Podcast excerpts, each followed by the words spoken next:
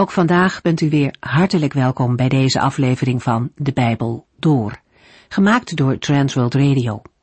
Voor meer informatie kijkt u dan op onze website transworldradio.nl.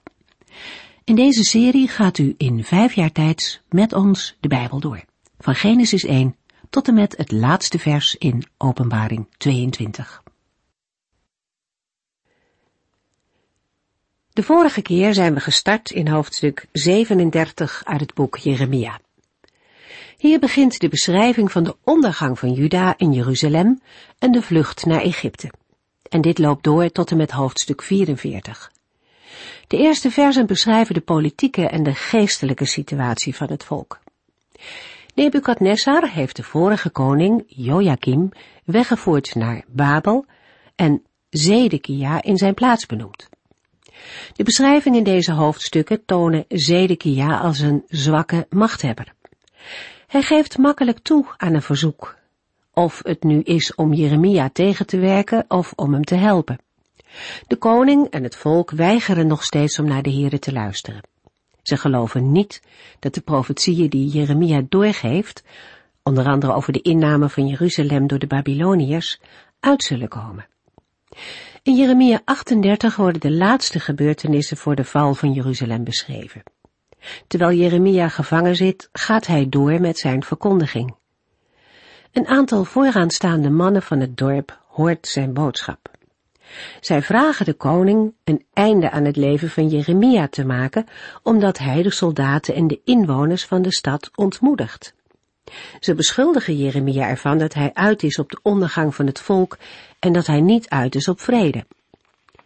Koning Zedekia stemt toe in het verzoek, hoewel hij eerder Jeremia voor de dood wilde bewaren. De vooraanstaande mannen laten Jeremia meteen in een put vol met modder zakken. Jeremia zelf kan niet uit de put komen en hij zakt langzaam weg. Als er geen hulp komt, zal hij sterven. Maar de Heere zorgt voor hulp. Van een verder onbekend man. Een Ethiopische dienaar haalt Jeremia op tijd uit de modder. En hoofdstuk 39 begint met een verslag van de inname van Jeruzalem door de Babyloniërs. Zedekia vlucht, maar wordt gevangen genomen. Hij blijft in leven, al worden zijn ogen uitgestoken en wordt hij naar Babel gebracht. Jeremia wordt vrijgelaten en mag naar huis. Nebukadnessar heeft instructies gegeven dat niemand Jeremia kwaad mag doen. De Babylonische aanvoerder moet zelfs doen wat de profeet hem vraagt. En zo lezen we verder over deze gebeurtenis in Jeremia 40. In Jeremia 40 ontvangt Jeremia een woord van de Heere. Opvallend genoeg komt dit woord via de Babylonische aanvoerder Nebuzaradan. Jeremia hoort de woorden nadat hij in Rama is vrijgelaten. Jeremia en de andere ballingen waren naar Rama gebracht om naar Babel te worden weggevoerd, maar Nebuzaradan laat Jeremia vrij. Nebuzaradan zegt tegen Jeremia in Jeremia 40 vers 2 tot en met 6. De Heere, uw God, heeft deze ramp over dit land gebracht, precies zoals hij had gezegd. Want deze mensen hebben tegen de Heere gezondigd. Daarom is dit gebeurd. Maar u zal ik vrijuit laten gaan. Als u met mij mee wilt naar Babel, vind ik dat ook goed. Ik zal ervoor zorgen dat u dan goed wordt behandeld. Maar als u niet mee wilt, hoeft het niet. Het hele land ligt voor u open. U kunt gaan waar u wilt. Als u besluit te blijven, ga dan terug naar Gedalja, die door de koning van Babel is benoemd tot gouverneur van Juda. En sluit u aan bij het overgebleven volk dat hij regeert. U moet zelf beslissen. U mag doen wat u wilt. Toen gaf Nebuzaradan Jeremia wat voedsel en geld en liet hem gaan. Jeremia ging terug naar Gedalja in Mispa en bleef bij de mensen die in het land waren achtergebleven. De woorden van Nebuzaradan lijken sterk op die van Jeremia, maar het is niet duidelijk op welke manier hij in de Heere geloofde. Na deze inleidende woorden verhaalt Nebuzaradan de bevrijding van Jeremia en biedt hem twee mogelijkheden aan. Jeremia maakt van de mogelijkheid gebruik om terug te gaan naar Gedalja en Mispa en blijft bij de mensen die in het land achterblijven. Vanuit Mispa bestuurt Gedalja het land. Deze stad heeft een oude traditie en Jeruzalem is nagenoeg onbewoonbaar geworden. Het is aannemelijk dat Mispa bijna anderhalve eeuw tot de tijd van Nehemia de plaats van Jeruzalem innam als bestuurscentrum. Wel komt de vraag op waarom Jeremia de keuze maakt om in Juda te blijven. Mogelijk wilde hij te midden van zijn volk blijven wonen, nu het oordeel voltrokken was, en zag hij uit naar het aangekondigde herstel. Gezien de verdere ontwikkelingen blijkt hij daar niet veilig te zijn en wordt hij tegen zijn wil meegenomen naar Egypte. We gaan nog even terug naar Jeremia 39. Direct na het verslag van de verwoesting van Jeruzalem volgen twee berichten over bevrijding. Het eerste is een belofte gericht aan Ebed Melech. Het tweede betreft de bevrijding van Jeremia door Nebuzaradan. Beide personen stonden tegenover het volk. Het volk zondigde tegen de Heere door niet naar zijn stem te luisteren, en daarom kwam het oordeel over hen. Ebed Melech en Jeremia vertrouwden wel op de Heere, en daarom wordt hun leven gered. Het oordeel gaat niet aan hen voorbij, maar zij ontvangen bevrijding te midden van het oordeel. Een verschijnsel dat we vaker tegenkomen in de Bijbel. Aan het einde van de tijd zullen de oordelen niet aan de uitverkorenen van de Heere voorbij gaan. Zij worden bevrijd doordat de dagen verkort worden en de engelen hen zullen verzamelen. In Matthäus 24 vers 22 lezen we, als God die tijd niet zou verkorten, zou geen mens gered worden. Maar die tijd zal worden verkort ter wille van hen die bij God horen. En in Matthäus 24 vers 31 ik zal mijn engelen er met luid trompetgeschal op uitsturen. Zij zullen de mensen die bij mij horen verzamelen van de verste uithoeken van de hemel en de aarde. In Jeremia 37 vers 2 hebben we gelezen dat het volk van Juda en de koning niet luisteren naar de woorden van de Heere. Daartegenover staat de Ethiopiër Ebed Melech, die wel op de Heere vertrouwt, en de Babylonische officier Nebuzaradan, die ook een woord van de Heere spreekt. De werking van de Heere beperkt zich niet tot Israël, maar strekt zich ook uit tot de politieke grootmachten van die tijd. In het Nieuwe Testament gaat het evangelie naar de heidenen, de niet-Joden, inclusief naar het centrum van het Romeinse Rijk. Daarmee zijn de beloften voor Israël niet opgeheven, maar laat de Heere wel zien dat hij ook handelen wil via gelovigen van niet-Joodse afkomst. In het volgende gedeelte, Jeremia 40 vers 7 tot en met 43 vers 13, lezen we over de verdere neergang van Juda en de vlucht naar Egypte. Na het vertrek van Jeremia naar Mispa verdwijnt hij tot Jeremia 42 vers 2 van het toneel. En Jeremia 40 vers 7 tot en met 41 vers 8 wordt de moord op Gedalja beschreven. Eerst worden in de versen 7 tot en met 12 de politieke ontwikkelingen onder Gedalja beschreven. Hij roept de inwoners op tot onderwerping aan de Babyloniërs. Aan het einde van het hoofdstuk, in de versen 13 tot en met 16, komt de bedreiging van het leven van Gedalja in beeld door een waarschuwing van Jochanan. De waarschuwing blijkt terecht te zijn, want later wordt Gedalja door Ismaël vermoord. Dezelfde Ismaël brengt ook nog tachtig pelgrims om die naar Jeruzalem waren gekomen om de Here te aanbidden in zijn tempel. Daarna neemt Ismaël nog een aantal inwoners van Jeruzalem gevangen en vlucht weg naar Ammon. Jochanan en de andere officieren horen wat Ismaël heeft gedaan en achtervolgen de groep van Ismaël. De twee groepen ontmoeten elkaar bij het meer Gibeon, maar Ismaël weet te ontsnappen. Uit angst voor represailles van de Babyloniërs besluiten Jochanan en zijn mannen naar Egypte te vluchten. Ook in het Bijbelboek Koningen lezen we over deze gebeurtenissen, maar dan in veel kortere vorm. Daarbij wordt de moord op de pelgrims en de vlucht van Ismaël niet genoemd. De bedoeling van de uitgebreide beschrijving is om te laten zien dat er van het huis van David en van de achtergeblevenen in het beloofde land niets meer is te verwachten. De moord op Gedalja werd later met een vaste dag herdacht, op de derde dag van de zevende maand.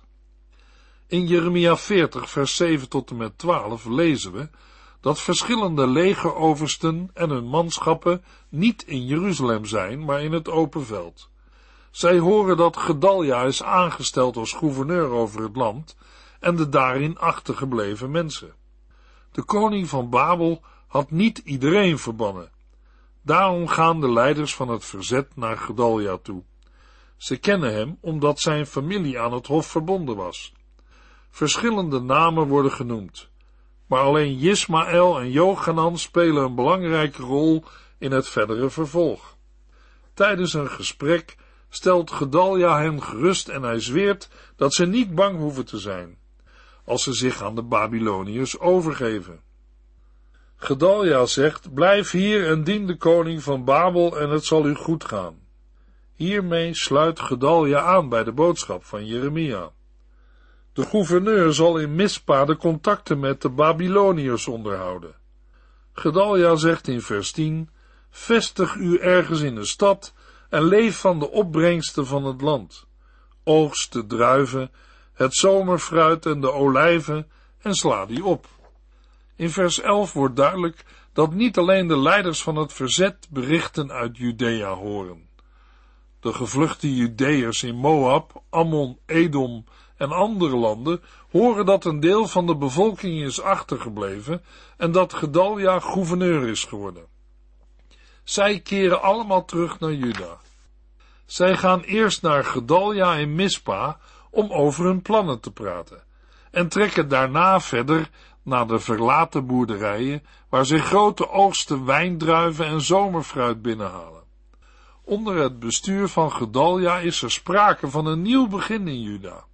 Het lijkt alsof de ballingschap gedeeltelijk wordt opgeheven en alsof er al iets terechtkomt van de situatie van het nieuwe verbond, aangekondigd in Jeremia 31 tot en met 33.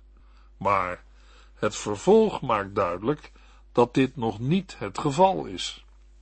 In het vervolg, Jeremia 40 vers 13 tot en met 16, lezen we dat dezelfde leiders onder leiding van Jochanan opnieuw vanuit hun plaatsen naar Gedalja en Mispa komen.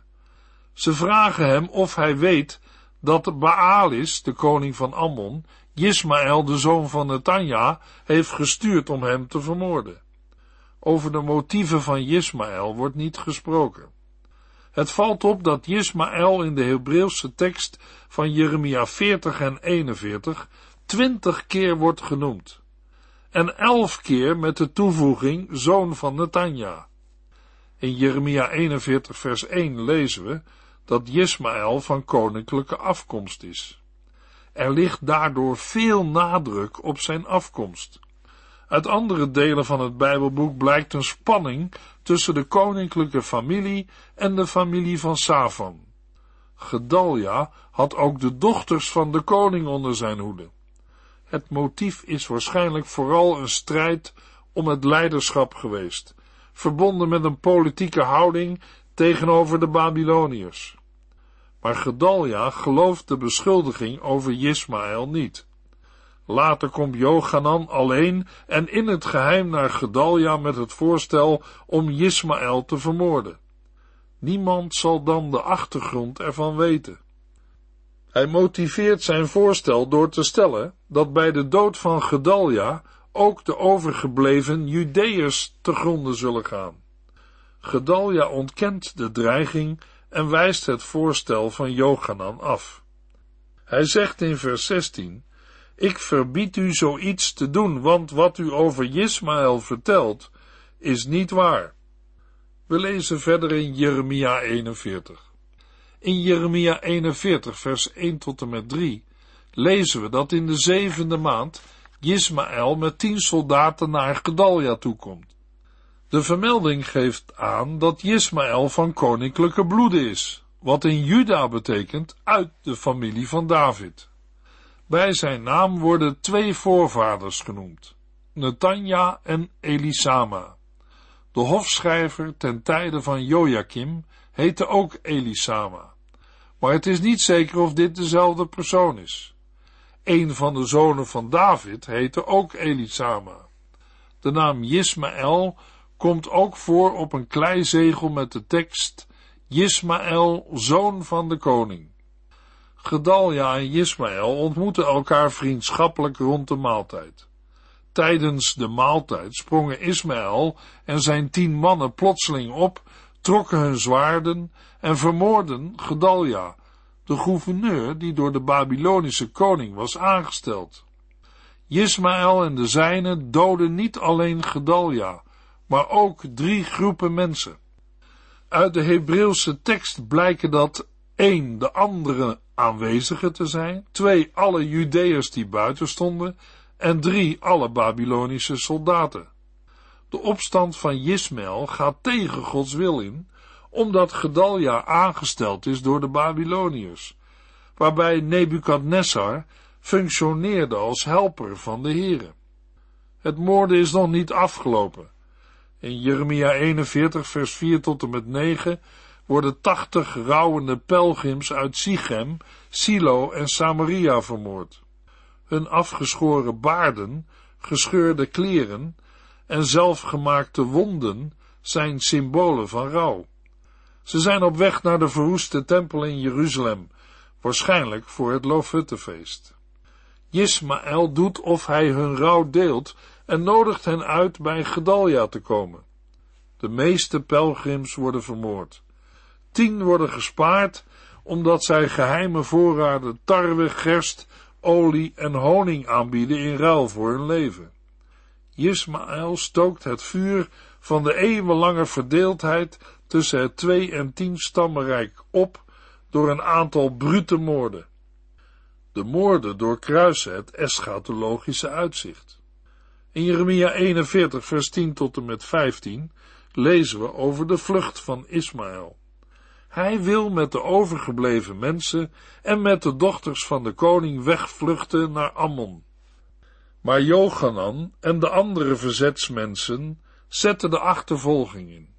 De gevangenen van Ismaël worden bevrijd. Maar Ismaël zelf weet met acht van zijn mannen te ontsnappen naar het land van de Ammonieten. En Jeremia 41 vers 16 tot en met 18 lezen we over de vlucht van Jochanan en zijn mannen met alle bevrijde mensen naar Egypte. De reden daarvoor lezen we in vers 18. Want zij waren bang voor wat de Babyloniërs zouden doen als die hoorden dat Ismaël gouverneur Gedalja had vermoord. Deze was tenslotte persoonlijk benoemd door de koning van Babel. Volgens Jeremia 41 vers 17 is Jochanan met zijn leger en zijn volgelingen neergestreken in Gerut Kimham bij Bethlehem, met als doel door te reizen naar Egypte. Maar voordat zij afreizen naar Egypte, willen zij de Heere raadplegen en gaan daarvoor naar Jeremia. Ze vragen hem, bid alstublieft voor ons tot de Heere, uw God, want zoals u weet zijn er van ons maar weinig hier overgebleven. Smeek de Heer uw God of hij ons wil laten zien wat wij moeten doen en waar we heen moeten gaan. De vraag die de mensen aan Jeremia stellen, wordt met de woorden, smeek de Heer uw God, nederig onder woorden gebracht. Een tweede aspect is de vraag naar de weg van de Heer. Is het een oprechte vraag? Of alleen een vraag naar Gods bevestiging van hun al genomen besluiten? Het is opmerkelijk dat Jeremia wordt gevraagd om voorbeden te doen. Eerder was hem dat verboden. Jeremia reageert positief. Als de Heer hem iets heeft geopenbaard, zal de profeet het hen vertellen. In vers 5 beloven de vraagstellers plechtig, wij beloven bij de Heere dat wij zullen doen wat hij zegt. In Jeremia 42 vers 7 tot en met 18 volgt het antwoord van de Heere. De versen 7 tot en met 12 verwoorden een belofte en de versen 13 tot en met 18 een bedreiging als de vraagstellers weigeren de Heere te gehoorzamen. In vers 10 tot en met 12 zegt de Heere, blijf in dit land.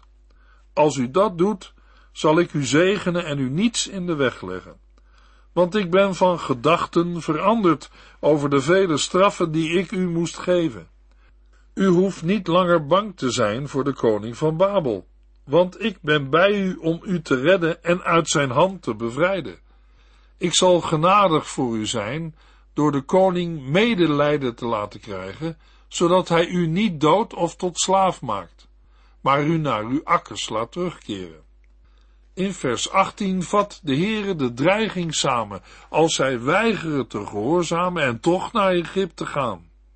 Want de Heere van de hemelse legers, de God van Israël, zegt, net zoals mijn toorn werd uitgegoten over de inwoners van Jeruzalem, zo zal hij ook over u worden uitgegoten als u naar Egypte gaat. In Jeremia 42 vers 19 klinkt nogmaals, restant van Juda, ga niet naar Egypte. Uit het vervolg blijkt dat Jeremia hun reactie al heeft voorzien. Jeremia 42 vers 20. Als u gaat, is dat ten koste van uw eigen leven, want u was niet eerlijk toen u mij vroeg voor u te bidden. Het einde van de profetie is de uiterst trieste constatering dat ze nu weten dat ze zullen sterven door het zwaard, de hongersnood en door ziekten als ze toch naar Egypte gaan. Luisteraar, ook voor ons is het belangrijk om in afhankelijkheid van de Heere onze weg te gaan. De Heere heeft zijn kinderen de leiding van de Heilige Geest beloofd.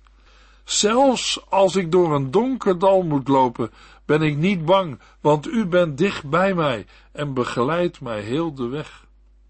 We lezen verder in Jeremia 43. In de eerste vier versen wordt duidelijk dat het volk niet gelooft dat Jeremia namens de Heere spreekt. De woordvoerders van het volk, Azaria en Jochanan, zeggen tegen Jeremia, u liegt. De Heere onze God heeft u helemaal niet opgedragen ons te zeggen dat wij niet naar Egypte mogen gaan.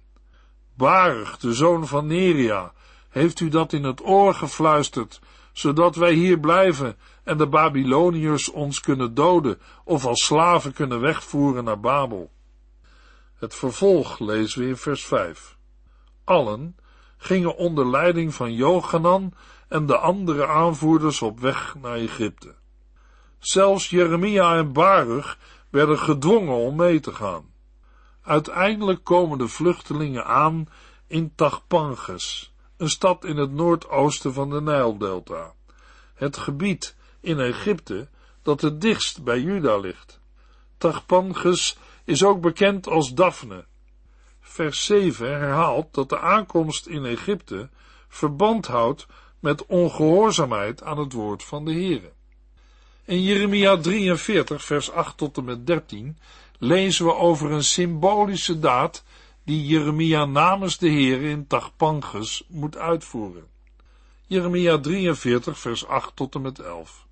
In Tachpanges sprak de Heer opnieuw tegen Jeremia en zei, roep de mannen van Juda bijeen en begraaf in hun bijzijn een paar grote stenen onder het wegdek van de toegangsweg naar het paleis van de farao hier in Tachpanges. Zeg daarna het volgende tegen de mannen van Juda.